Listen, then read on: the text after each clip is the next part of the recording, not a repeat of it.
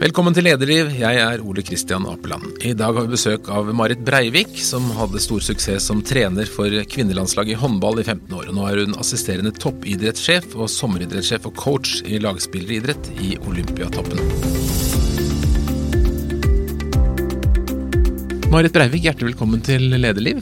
Tusen takk. Du er jo kanskje den i Norge som er mest kjent som en helt fantastisk leder. Jeg tror alle vet at du er en supergod leder. Hvordan føles det?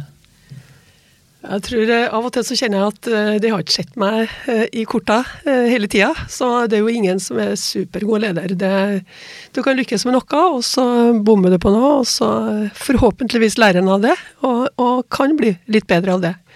Men du skal jo lede ulike personer, og for å bli definert som en supergod, så skal du være god for alle. Og det vet jeg jo at jeg ikke har vært. Du er også litt kjent for å ha vært veldig rolig på sidelinjen. På, er, det, er, det, viktig for deg å ha en ro? Ja, det var viktig å trene opp en ro, for jeg er egentlig ganske hissig type. Eh, og var veldig hissig som spiller. Eh, har, vært, har det vært så strenge eh, regler når jeg var spiller, så jeg sitter mye på utvisningsbenken, men Hvorfor var det viktig å trene opp en ro? Jo, for uh, jeg, jeg, ble jo mer og mer nysgjerrig på hva trengte spilleren fra meg i den situasjonen hvor stresset øka. Og, og, i likhet med energistyring ellers, så, så, er det mulig å trene opp og, og være rolig. Og, og, det kan være rent sånn fysisk i, i pusting, men det er òg veldig mye fokus på hva er viktig for eh, spilleren nå, og, hva er viktig ikke minst rent sånn taktisk. Så, så, og da hvis en er stressa, så blir en ganske snever i synsfeltet. Og, og, øh, og så er jo, er jo opplevde jeg jo etter hvert at det, det, er jo ingen spillere som ikke har lyst til å få det til. Så det å ha den tilliten til at de, de strever virkelig for å få det til og lykkes. Og da øh, da la jeg jo helt bort Jeg kunne bli egentlig litt sånn temperamentsfull på feil. Eh, ikke det at jeg har vært noen sånn kjeftende type, men jeg, men jeg kjente sjøl at det kunne, kunne, stramme seg til litt. Og, men når jeg liksom fikk denne overbevisninga, for det er jo Jeg, jeg tror ikke jeg til dags dato har møtt eh, noen som ikke har lyst til å få til ting, hvis de først finner ut hva det er de er interessert i. Og dermed så, så har den roen øka. Men det er jo lagspill som er din, eh, ditt spesialområde. Er, kan alle mennesker fungere på et lag? Ja, det har jeg da håp om, for uh, ellers så skal du være helt alene. Så, uh, og, og, lagarbeid er det jo i de individuelle idrettene òg. Og det blir stadig sterkere fokus på det. For det relasjonelle situasjoner er jo helt avgjørende for at du skal trives her, og sannsynligvis få det beste ut av deg sjøl. Så, så, vi må gjøre noe i lag.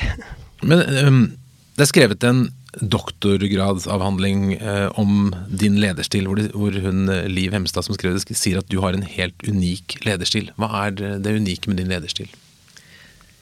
Jeg tror det er først og fremst at jeg er nysgjerrig på det enkelte mennesket som jobber med, og, og ganske optimistisk i forhold til utviklingsmuligheter. Og og så har jeg jo lært over tid at eh, det er viktig å skape det personlige engasjementet og, og tro på den enkelte, og, og, det har jeg tatt meg tid til.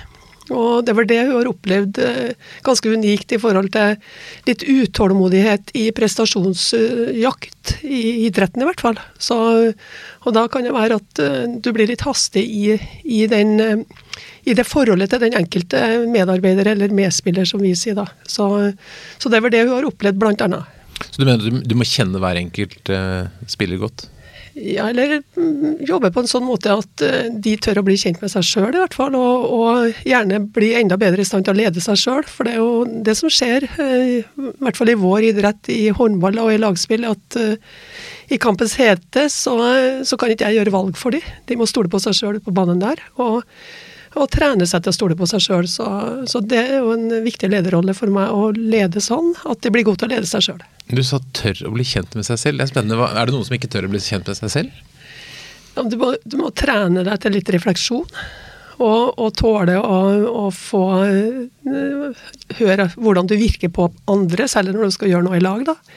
Og, og, og bryte noen barrierer, sprenge noen grenser. For vi, vi, er jo veldig ofte trygghetssøkende, og, og, det er jo ganske naturlig. Det, det kjenner jeg jo sjøl òg. Og, og, må hive meg litt ut på djupt vann for å eh, bygge ny sjøltillit på andre områder som du ikke har prøvd før. Så, så det, er jo, det å tørre å begi seg ut i noe du ikke har gjort før, er jo viktig når du skal teste ut hvor god kan du bli, og du har lyst til å bli verdens beste. Så er det jo en maksimal prestasjonsevne som det I hvert fall kjenner jeg som leder at det er ikke noe grunn til å legge demper på den muligheten til den enkelte utøver eller til den medarbeider nå når jeg er i den lederrollen. Så det er spennende. Også, du, sa, du sa trene seg på refleksjon, hvordan gjør man det? Ja, jeg var jo veldig jeg tror jeg har vært heldig i min oppvekst og i min idrettsverden, for jeg hadde voksne trenere som eh, Særlig den første treneren jeg hadde, var jo en lærer på lærerutdanning. Så han diskuterte og tok oss jo med på alt fra vi var 11-12-13 år. Også, og det vekket jo en sånn uh, trener-lærer-motivasjon i meg òg. Og, og, det har gjort at jeg, jeg, har alltid likt å involvere. Og så syns jeg det tok så lang tid før jeg fikk egentlig den responsen, eller den effekten av involvering som jeg trodde jeg skulle få til. Og det tok litt tid før jeg, skjønte at i stedet for bare å stille spørsmål ut i gruppa. Så, så, kunne jeg stille et spørsmål og så si diskutere litt to og to. For da får du det personlige engasjementet. For ellers ble det veldig ofte sånn at eh, når jeg stilte spørsmål ut i Og jeg hadde ikke noe, noe forventning om et fasitsvar, men de trodde så veldig fort, da. Hva er det Marit vil høre nå? Hva er det hun vil at jeg skal svare? Og så var det de med mest sjøltillit, og de som eh, var dyktige og flinke og kanskje litt mer garva, som eh, svarte hver gang. Og da ble det ganske lite personlig engasjement på resten. Som satt egentlig og venta på det svaret fra den ene eller den andre.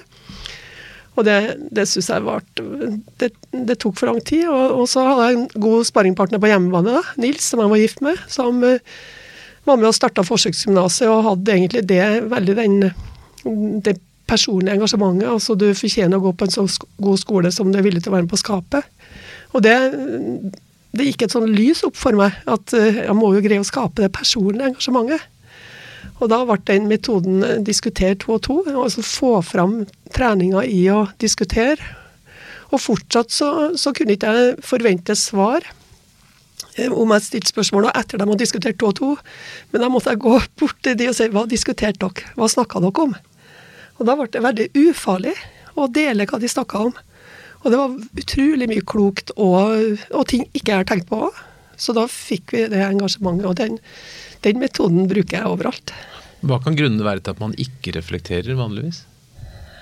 Jeg tror det, en, en, det kan være òg litt, uh, litt uh, opplæring i at det er kanskje litt for få svar. Altså det er, det er en person som skal få lov til å ha en fasit det kan være. Og så har du eh, Nå tror jeg jo skolen, og jeg er jo lærer av utdanning, så jeg har en forventning og håp om at skolen har kommet lenger der i forhold til øving og utvikling og refleksjon enn det var for 20 eh, år siden og 15 år siden. Så, men det er jo gjerne en litt sånn redsel for å svare feil. Og så holder du bare, er du bare stille, og så får de som alltid de som har pågangsmot, og, og det har jo noe med personlighetstyper òg. Og, og, de er jo dyktige, så det er ikke noe, det er galt å si om de. Men eh, det er en veldig ressurs i flere, og den er spennende å lete på. Når du skal sette i gang en eh, refleksjonsprosess eller få folk diskutere, har du noen favorittspørsmål som du gjerne liker å stille til en utøver for å, for å få i gang en god diskusjon? Det er litt avhengig av temaet. Det kan, det kan være hva er din styrke? Hva liker du å gjøre? Eh, hva gjør du når du lykkes? Eh, og hvis du øker bevisstheten på det, så er jo en annen nøkkel er jo å få folk til å gjøre det de er gode til. Så, så, det fokuset er jo veldig spennende. Og det er jo veldig sånn allment. Eh, når jeg blir henta inn i foredrag eller skal dele på jobben, så, så er jo hva er, hva er, det det beste av deg sjøl du kan legge inn i dette her?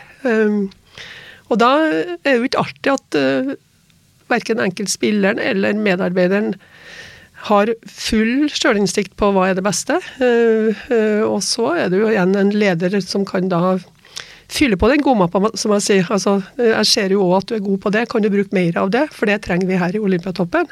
Eller det trenger vi her i laget. Så, så det er jo en, en måte å tenke på. En godmappe, var det du sa? Ja, vet du, Nils Arne Eggen har jo uh, uttrykt så godt dette her med godfoten. Mm. Og i, i landslaget så, så, var vi jo tidlig i gang med digitalisering. Det var midt på 90-tallet hvor, hvor, jeg får og bar med den stasjonære PC-en min, og vi holdt på og gjorde den analysen på kampene. Og så fant vi jo ganske tidlig at det var viktig å, å, å lage de klippa hvor de lyktes. Hvis de skulle forsterke det som de var gode på, da. Og da la vi klippa i ei godmappe på intranettet eller på, på nettlæringsplattformen. Og så hadde vi forbedringsmappe.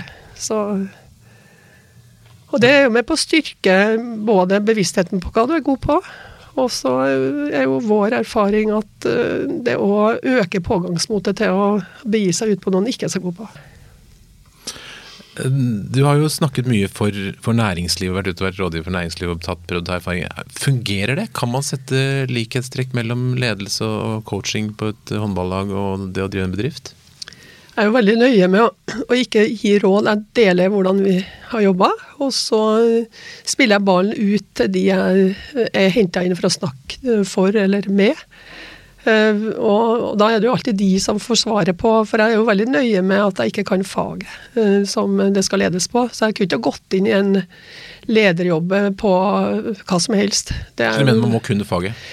Ja, det er i hvert fall en klar fordel. Ja. Det, det, eller jeg har veldig respekt for det. Mm. Eh, så det kan være at det går an å være i et lederteam. Men, eh, men, den eh, resultatansvarlige lederen tror jeg må Men da sier jeg tror, for jeg har jo aldri prøvd det. Jeg har vært lærer og trener og er nå sommeridrettssjef. Og alt har dreid seg om læring og utvikling, og det siste Hvor mange år blir det, da? Det blir snart 30 år eh, i toppidretten. Men du, men du, mener at det finnes noen overføringsverdier da, mellom idrett og, og Ja, Det er jo det jeg får uh, tilbakemelding på. Så, og stadig spørsmål om å komme tilbake òg. Så hadde jo en veldig langvarig samarbeid med Gjensidige Forsikring når jeg var 15 år som landslagstrener, og jeg tror jeg var i alle avdelingene der i en, en, en fase i forhold til uh, mer å skape det personlige engasjementet og, og uh, hensiktsmessige forventninger til lederen sin. For det er klart at uh, du må gjøre veldig mye av jobben sjøl. Og så er det noe du kan uh, lete på at du skal gjøre i teamarbeid, og så uh, må du lede deg sjøl i stor grad. Så hvis man har et lag som man får ansvar for å trene, enten man da skal være trene guttefotballen som pappa, eller om man skal gå på jobben kanskje, det Hvor starter man med å ta tak i et dårlig lag og gjøre det bedre? Ja, Da er det jo først og fremst å snakke med spillerne i forhold til hva har de lyst til. For uh, uten, uh, uten, at det er en, en felles mål der, og et bilde på hva de har lyst til å oppnå, så er det veldig vanskelig å nå der. Så, og, og, i idrett så har en jo det hjelpemiddelet at en kan se på video, en kan se på andre. En kan lage seg noen forbilder om så. Uh, men det å skape et målbilde og en felles forståelse for hva, hva er det vi skal få til, og så blir det jo den som har kompetanse, er jo å forklare hva som skal til hvis ikke det grunnleggende der eh, er på plass. Eh, hva trenger vi å øve på? Eh, og så må man skape den øvingssituasjonen sånn at den blir så artig og motiverende at de har lyst til å gjøre det. For ellers så orker de ikke, enten de er små eller store. Så det må være gøy? Det må være gøy, og må, du må tørre å leke deg litt i, i, i, i appetitten på å bli god. Det er i hvert fall veldig klar erfaring. Når var det du skjønte at du kunne bli en veldig bra leder, coach? Eh, det har, det har svingt litt. Jeg følte, eh, følte når jeg takka ja til Eller når jeg hadde vært klubbtrener et år eller to i Byåsen. Eh, jeg var bare i permisjon fra lærerjobben, og det var jo på 1989-90. Da kjente jeg at jeg begynte å få det til. Og så Eh, dro jeg til Larvik etter fire år i Byåsen, for Larvik var nyopprykka med en veldig ung, talentfullt lag. Og, og eh, fikk òg kontakt med de jentene der, og fikk veldig kjapp framgang. Fra å være nummer ti første året til å bli seriemester andre året.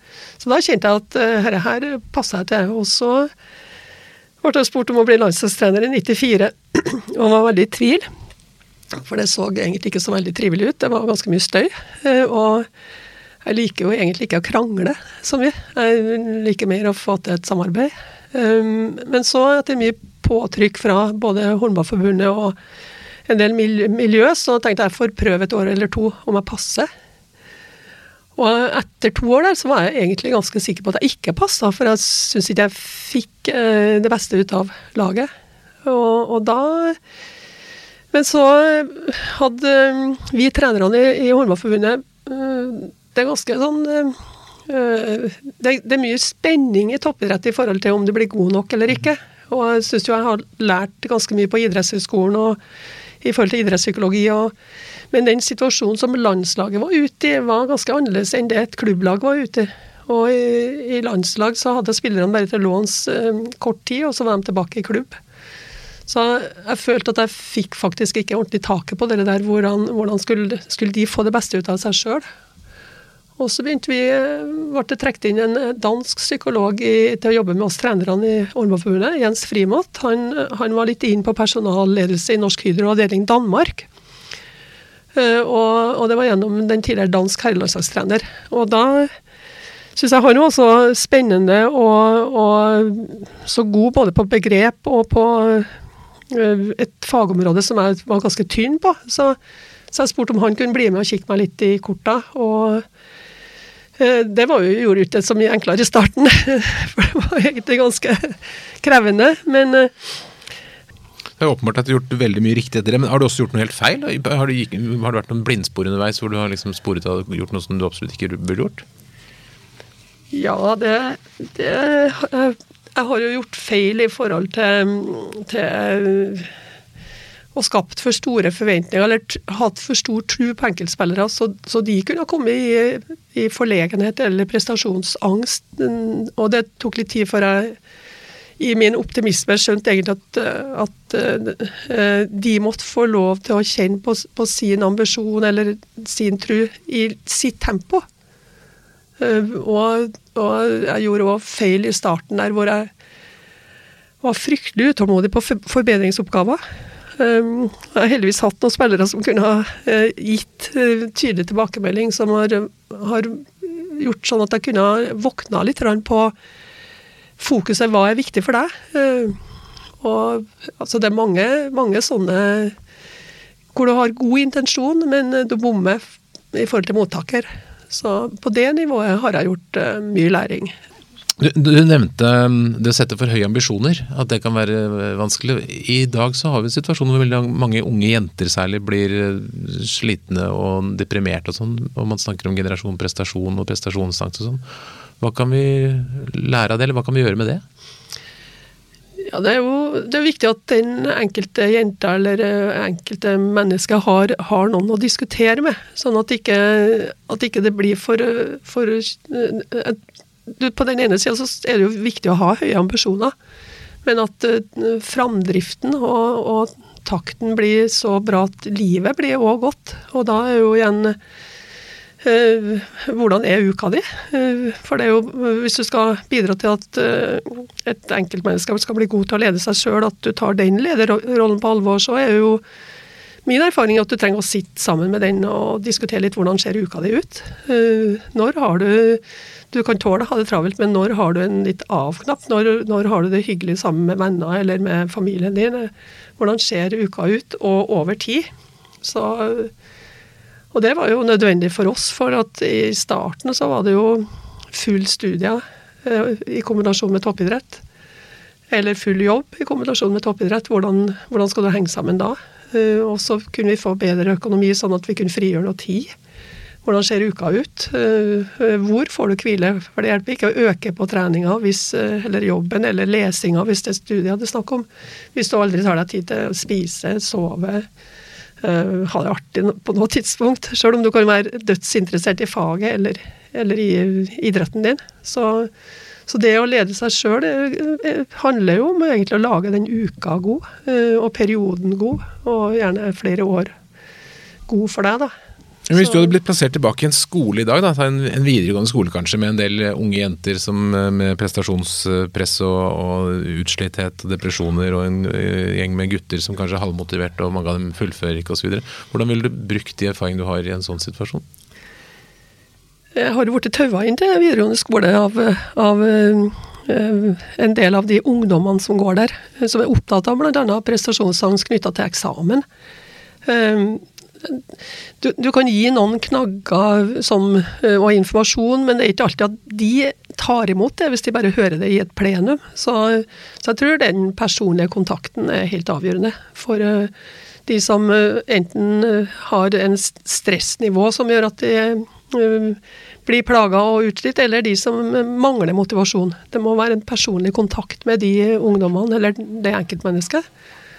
Og over tid. Eh, for det, det, er jo noe med å lete på hva, hva er det som skal skape den balansen i livet deres. Og, og bygge tro på at de har evne til å, å, å ta mer kommando på den sjøl. Men uh, det er jo ikke noe, det er ikke noe enkelt, og det er, jo, det er, jo, ressurskrevende sånn tidsmessig. Det er ikke så lett for en vanlig lærer med en skoleklasse? Nei, da, og da er jo igjen i vi er jo privilegert i, i, den toppidretten, i hvert fall de landslagene som har bra økonomi. Vi kan ha trener-leder-team. Men, og nå er det jo en del skoler hvor det er to lærere, så de kan gjøre noe i, i teamarbeid og fordele litt og gjøre noe i lag. Men uh, at det trengs noe mer ressurser der uh, hvis en skal nå alle. For det er jo en høy ambisjon at alle skal gjennom videregående skole, og alle, alle starter jo der. Mm. Så, og når en har den høye ambisjonen, så er det jo hvordan skal nå den enkelte ungdom, da. Det, jeg har ikke noe fasit på det, men jeg er helt sikker på at en må på et personlig nivå. Det er et annet lag som ikke, som ikke, presterer så bra, som jeg tror ikke du har noe av skylda, men du kanskje har noe tanke. Du har jo vært litt engasjert i Arbeiderpartiet. De har ikke gjort så bra. Det, har det noe med lagspillet der å gjøre? Jeg skal i hvert fall være veldig forsiktig med å, å eh, det er jo noe, En politiker skal jo skape oppslutning. Så, så, jeg vet ikke om det er først og fremst det lagspillet i partiet, eller om det er sakene og, og eh, det partiet har formidla ut. Jeg tror det, det, er i like stor grad det, da. Og så, eh, så er det jo et veldig sammensatt spørsmål i hva er det som skal til for å skape oppslutning gjennom om partiet. Så jeg har nå fortsatt den partiboka, da. Så, men eh, jeg har ikke gått inn i, i den jobbinga. Det jeg har vært inn i partiet på, er jo det er to ting. Det var foran forrige stortingsvalg var jeg i, i den programkomiteen, for da skulle de ha noen som ikke var flaska opp i politikken, for å kunne komme med noen kritiske innspill og, og se det litt annerledes. Um, det var jo nyttig for meg òg. Og så har det vært å med i litt mer sånn motivering på hvordan samarbeide og hva tror vi på. Eh, men det har vært mer på lokalt eh, nivå da, i Nord-Trøndelag. Men kan man bruke de samme tankene fra, fra lagidrett også inn i et parti? Ja, det er jeg jo helt sikker på. For det er jo øh, øh, Hva er du best på? Hvordan skal du bruke det for partiet i forhold til det fellesmålet som er? Så uh, mer det enn at det skal skal være eh, veldig markerte uh, maktkamper. For det er jo, i dag er det ikke så lett å skape oppslutning. Da blir det i hvert fall mer fragmentert. da. Men det er jo grunner til at jeg ikke har gått inn i politikken. Jeg syns det, det ser veldig krevende ut sånn, på et område som ikke har den passion som jeg har for idretten. da.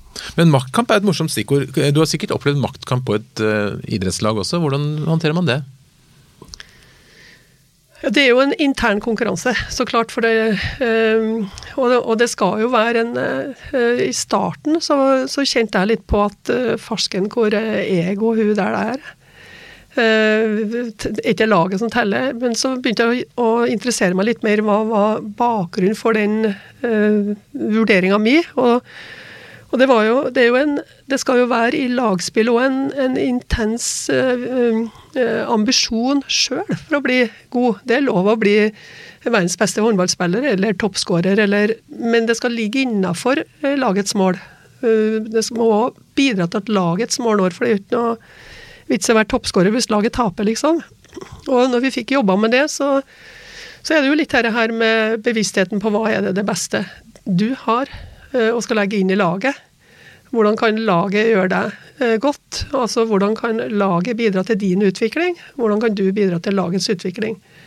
Så, så eh, å få mange nok men en, høy intensitet på den sjølrealiseringa og den driven, har jo gjort kvinnelandslaget til verdens beste over tid. Så, så det må det være rom for. Og det må det være rom for i Arbeiderpartiet òg, ellers så går nasjonen Norge dårlig. Men Da du var landslagsleder, hva, hva, tror du spillerne sa om deg bak din rygg? Hvordan vurderte de deg? Det, Jeg skulle hadde hatt noen spillere her til å ha svart på, men jeg har jo fått, uh, fått noen meldinger. Jeg tror det har gått litt i bølger, for de var ganske irritert på meg en periode hvor jeg var, var nøye med ting og pirkete på ting. Samtidig så uh, opplevde jeg at uh, jeg brydde meg om dem. Uh, og ikke bare som håndballspillere, men som hele mennesker i forhold til livet deres.